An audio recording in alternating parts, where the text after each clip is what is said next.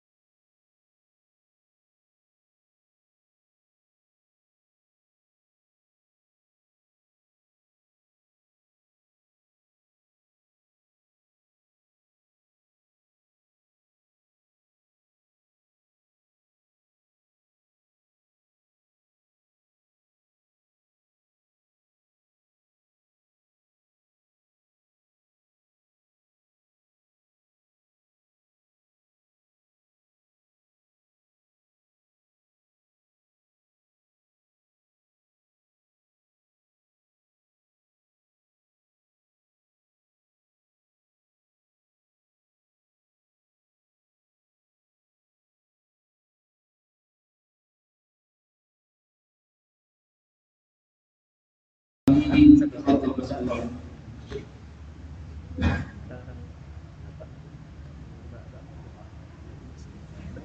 Iya.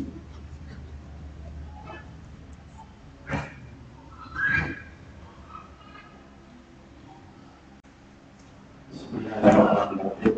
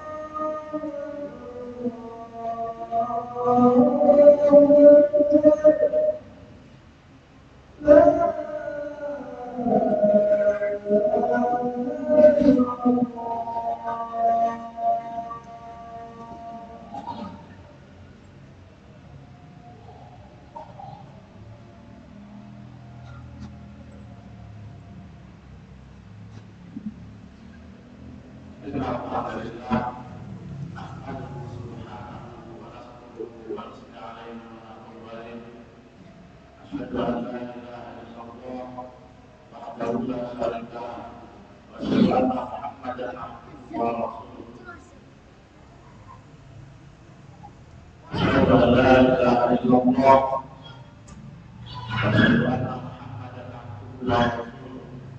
Allahumma salli ala nabiyyina Muhammadin wa ala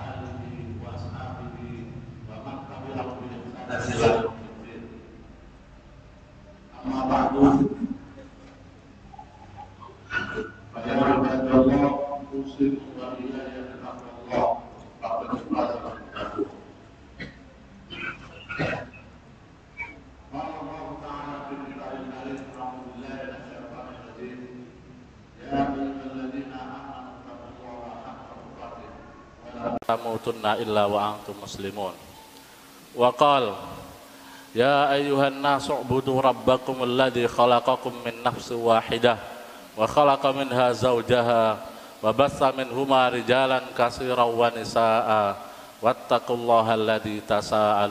wal arham innallaha kana 'alaikum Ya ayyuhalladzina amanu taqullaha wa qulu sadida yuslih lakum a'malakum ويغفر لكم ذنوبكم ومن يطع الله ورسوله فقد فاز فوزا عظيما أما بعد فإن أصدق الحديث كتاب الله وخير الهدي هدي محمد صلى الله عليه وسلم وشر الأمور محدثاتها وكل محدثة بدعة وكل بدعة ضلالة وكل ضلالة في النار Jamaah Jum'ah yang dimuliakan oleh Allah Subhanahu wa taala. Nabi sallallahu alaihi wasallam berwasiat kepada kita. Dalam hadis yang diriwayatkan oleh Abdullah bin Salam yang dikeluarkan oleh Imam Tirmidzi. Bahwasanya beliau bersabda, "Ya ayuhan nas, wahai manusia, afsus salam bainakum." Sebar-sebarkanlah salam di antara kalian. Wa at'imut ta'am dan berilah makan kepada orang-orang fakir dan miskin dan yang membutuhkan. Wasilul arham dan sambunglah tali silaturahim. Wasallu billaili wan nasun dan salatlah di malam hari ketika manusia sedang tidur. Tadkhulul jannata bisalam. Maka masuklah ke dalam surga ketika dengan keadaan selamat, dalam keadaan senang, tentram, dan bahagia. Jamaah Jum'ah yang dimuliakan oleh Allah Subhanahu wa taala. Empat wasiat ini telah disampaikan oleh Nabi Shallallahu alaihi wasallam sebagai salah satu di antara pesan-pesan yang mesti kita ingat dan kita jalankan. Yang pertama kaitan dengan absus salam bainakum. Sebarkanlah salam di antara kalian. Menyebarkan salam hal ini adalah perkara yang memiliki banyak sekali keutamaan atau faedah. Di antaranya yang disebutkan oleh Nabi Sallallahu Alaihi Wasallam Afala awala adullukum ala syai'in idza fa'altumuhu tahabbtum. Afsus salam. Apakah kalian mau aku tunjukkan kata Nabi sallallahu alaihi wasallam kepada satu amalan apabila kalian melaksanakannya maka tahabbtum. Kalian akan saling mengasihi, saling mencintai. Afsus salam bainakum. Sebar-sebarkanlah salam. Maka hal ini mestilah kita jalankan. Menyebarkan salam menyampaikan doa kepada saudara kita dan menyebarkan salam ini kepada siapa pun sesama muslim di antara kita. Yang penting dia muslim seakidah dengan kita, maka kita berikan salam kepada mereka. Kata Nabi Shallallahu alaihi wasallam, "Absus salama ila man arafta wa malam ta'rif." Berilah salam kepada orang yang kalian ketahui dan kepada orang yang kalian kenal dan yang kalian tidak kenal. Hadirin jamaah Jum'ah yang dimuliakan oleh Allah. Saat ini kita terbiasa memberi salam kepada orang-orang yang kita kenal. Tetapi kepada mereka yang tidak kita kenal, terkadang kita tidak mengucapkan salam. Padahal mereka adalah seorang muslim. Maka ketika kita kembali kepada resep Nabi Shallallahu Alaihi Wasallam supaya kita saling mengasihi, saling mencintai sesama muslim, maka kita biasakan untuk mengucapkan salam kepada siapa pun yang kita kenal ataupun kita tidak kenal. Asalkan dia seorang muslim, maka kita ucapkan salam. Ini adalah resep yang sangat mudah. Supaya terjalin hubungan silaturahim, hubungan yang baik, ukhuwah Islamiyah di antara kaum muslimin yaitu dengan kita menyebarkan salam kepada siapa pun asalkan dia seorang muslim dan seakidah dengan kita. Kemudian yang kedua yaitu ta'am memberi makan. Jamaah sekalian yang dirahmati oleh Allah. Memberi makan, memberi sodakoh, memberi bantuan kepada mereka yang menghajatkan adalah perkara yang sangat berarti bagi kita. Ini adalah kebaikan yang nilainya sangat besar. Sodakoh adalah satu kebaikan yang akan tumbuh kembang menjadi 10, 10 menjadi 100 sehingga masing-masing kebaikan bisa tumbuh menjadi 700 kebaikan. Kita keluarkan harta kita untuk memberikan makan kepada fakir miskin, kepada anak-anak yatim. Kita penuhi hajat kebutuhan manusia. Kita bayar SPP anak-anak yang tidak mampu untuk membayar. Kita penuhi kebutuhan mereka ketika membutuhkan. Kita bayar kebutuhan rumah sakit ketika mereka tidak bisa membayarnya. Dan masih banyak lagi peluang untuk kita jadikan sebagai amal soleh. Kita keluarkan rezeki kita. Tidak mesti kita harus mengeluarkan dalam jumlah yang banyak. Ketika harta kita tidak banyak, kita sisihkan dari yang tidak banyak itu. Kita biasakan. Jangan nunggu kita mau berinfak, bersodakoh ketika harta kita banyak. Kalau kita tidak terbiasa mengeluarkan harta kita dalam jumlah yang sedikit, maka kita akan merasa berat ketika harta kita sudah banyak. Ketika Allah memberikan rezeki kepada kita, gaji setiap bulan atau mendapatkan eh, pendapatan kita setiap bulan, umpamanya satu juta, dua juta, maka kita, kita keluarkan sekian persennya. Kita latih. Nanti suatu saat ketika Allah memberikan rezeki yang banyak kepada kita, maka kita sudah terbiasa mengeluarkan sekian persen dari harta yang telah diberikan oleh Allah atau rezeki yang telah diberikan oleh Allah. Dalam hal mengeluarkan sebagian rezeki kita atau kita bersodakoh ini juga adalah perkara yang sangat besar artinya. Ketika kita mengeluarkan sodakoh akan menjadikan kita terhindar dari bala, bencana, Ketika kita mengeluarkan harta kita, maka sebenarnya harta itulah milik kita. Nabi Shallallahu Alaihi Wasallam menjelaskan dalam hadis Nabi Shallallahu Alaihi Wasallam, ma'an fakta fahuwalaka. Apa yang kalian infakkan, itulah milikmu. Wa ma'am sakta falaisalaka. Apa yang kalian simpan, maka itu bukan milikmu. Jadi harta yang telah kita infakkan itulah harta kita yang sebenarnya. Dan setiap harta yang kita keluarkan, kita infakkan. Nabi Shallallahu Alaihi Wasallam menjelaskan bahwa akan diganti oleh Allah Subhanahu Wa Taala. Malaikat mendoakan, Allahumma a'ti munfikan khalafan. Ya Allah, berikanlah ganti rizki orang yang telah dikeluarkan hartanya tadi. Wa a'ti munsikan, mumsikan, talafan. Dan berilah kehancuran, kebinasaan orang yang menyimpan hartanya, yang bakhil. Ketahuilah bahwasanya harta yang sudah kita infakkan hal itu merupakan tabungan kita yang sebenarnya dan yang kita simpan maka ketika kita mati belum sempat mengeluarkan harta itu bukan lagi milik kita tapi itu akan menjadi warisan kecuali kita sudah berwasiat terhadap harta kita tersebut maka ketika seseorang bersusah payah mendapatkan harta itu menumpuk harta itu sebelum dia mengeluarkan atau menikmati harta itu maka ketika ia meninggal sebenarnya dia hanya bekerja untuk orang lain. Hadirin jamaah Jum'ah yang dimuliakan oleh Allah Subhanahu wa taala. Kemudian yang ketiga adalah wasilul arham dan sambunglah silaturahim.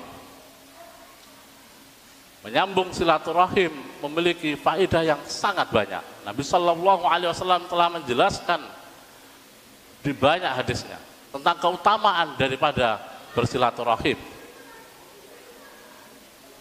Barang siapa yang menginginkan diluaskan rezekinya, maka hendaklah ia bersilaturahim. Barang siapa ingin dipanjangkan umurnya, maka hendaklah ia bersilaturahim. Dipanjangkan dalam artian seperti yang dijelaskan oleh para muhaddisin, bisa jadi usianya tetap tapi keberkahannya ditambah. Bisa jadi umurnya memang benar-benar ditambah oleh Allah Subhanahu wa taala. Bersilaturahim perkara yang sulit-sulit mudah. Kenapa? Karena sebenarnya silaturahim itu mudah. Tetapi terkadang kita untuk melaksanakannya terhalang dengan kebutuhan kita sendiri. Kita disibukkan dengan keseharian kita. Kita disibukkan dengan urusan-urusan kita. Maka kita perlu mengagedakan untuk bersilaturahim. Kepada siapa? Yang pertama adalah kepada orang tua kita sendiri. Ketika orang tua kita masih hidup, jangan sia-siakan untuk menyambung silaturahim kepada orang tua. Itu kewajiban kita. Itu adalah surga bagi kita. Kita berbuat baik kepada orang tua adalah perkara yang memiliki banyak keutamaan. Itu adalah kunci surga bagi kita. Ketika orang tua kita sudah tidak ada, maka kita berbuat baik kepada kerabatnya, bapak dan ibu kita. Kita sambung silaturahim. Walaupun akan terasa berat, tetapi ingatlah itu adalah salah satu di antara birul walidain kita menyambung silaturahim dengan saudara-saudara bapak dan ibu kita. Kemudian kepada sanak famili, saudara-saudara kandung kita, keponakan-keponakan kita, dan seterusnya dan seterusnya. Maka ini adalah silaturahim yang harus kita utamakan. Ketika kita bisa melaksanakan silaturahim, maka Allah Subhanahu wa taala akan memberikan keberkahan dalam hidup kita. Akan memberikan keberkahan terhadap rezeki kita. Dan harta yang kita keluarkan untuk silaturahim akan diganti oleh Allah Subhanahu wa taala. Jamaah Jum'ah yang dimuliakan oleh Allah Subhanahu wa taala. Dan yang keempat, wasiat Nabi Shallallahu alaihi wasallam adalah wasallu bil laili wan dan sholatlah di malam hari ketika orang sedang tidur qiyamul ingat bahwasanya qiyamul lail sholat malam adalah afdolus sholat ba'dal faridoh sholat seutama-utama sholat setelah sholat wajib adalah sholat malam. Dan di antara sholat malam yang paling penting adalah sholat witir. Ketika kita tidak sempat untuk melaksanakan sholat malam karena waktunya sudah hampir habis, kita dahulukan untuk melaksanakan sholat witir. Satu rakaat, tiga rakaat, lima rakaat, tujuh rakaat, atau sembilan rakaat, atau sebelas rakaat. Kalau kita khawatir untuk tidak bangun di malam hari, maka kita bisa melaksanakan sholat witir terlebih dahulu sebelum kita tidur. Dengan terus kita mohon kepada Allah, mudah-mudahan kita dibangunkan di malam hari untuk dapat melaksanakan sholat malam tersebut.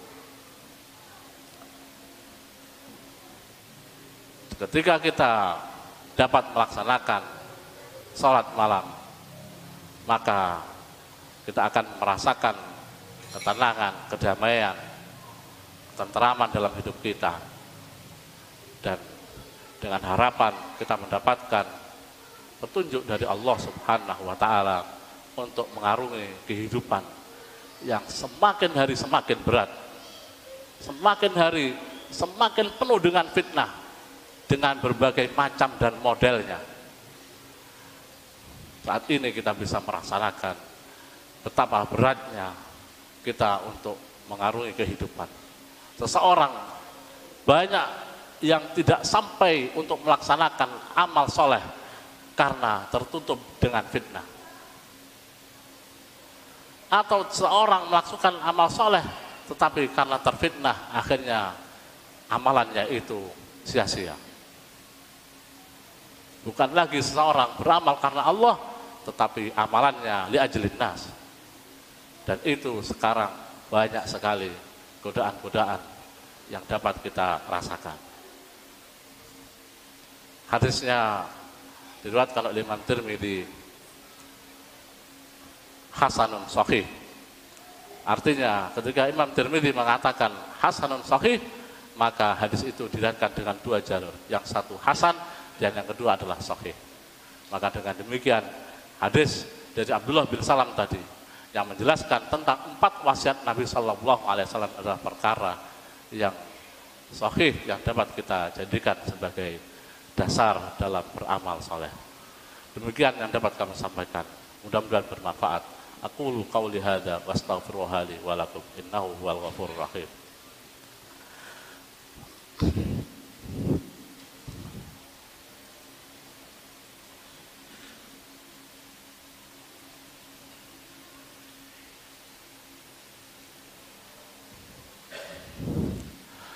Alhamdulillah Alhamdulillahilladzi hadana li wa ma kunna linahtadiya laula an hadana Allah.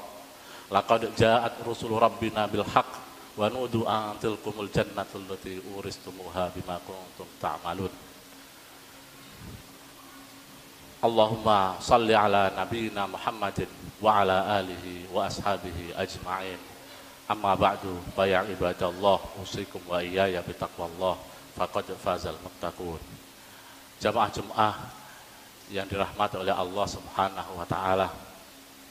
Marilah kita bersama-sama mohon kepada Allah Subhanahu wa taala untuk dimudahkan untuk beramal soleh, untuk dimudahkan untuk menjalankan wasiat-wasiat Nabi Sallallahu Alaihi Wasallam.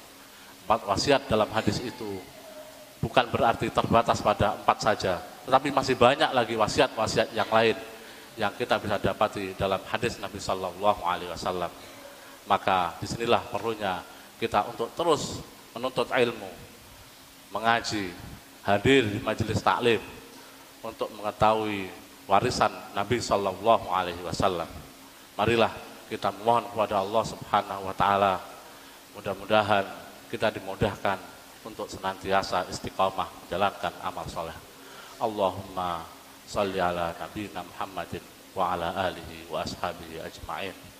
Allahumma inna nas'alukal jannata wa nastajiru bika minan nar. Allahumma inna jannata wa nastajiru bika minan nar. Allahumma inna jannata wa nastajiru bika minan nar. Allahumma a'inna ala wa syukrika wa husni ibadatik Ya muqallibal qulub Sabbit qulubana ala dinik. Ya musarrifal qulub Sarrif qulubana ala ta'atik. Rabbana dhalamna anfusana Wa illam taghfir lana Wa tarhamna lanakunanna minal khasirin. Rabbana dhalamna anfusana Wa illam taghfir lana Wa tarhamna lanakunanna minal khasirin. Rabbana gfir lana Wali walidayya warhamhuma kama rabbayani shaghira Rabbana atina fid dunya hasanah wa fil akhirati hasanah wa qina adzabannar. Walhamdulillahi rabbil alamin. Aqimussalah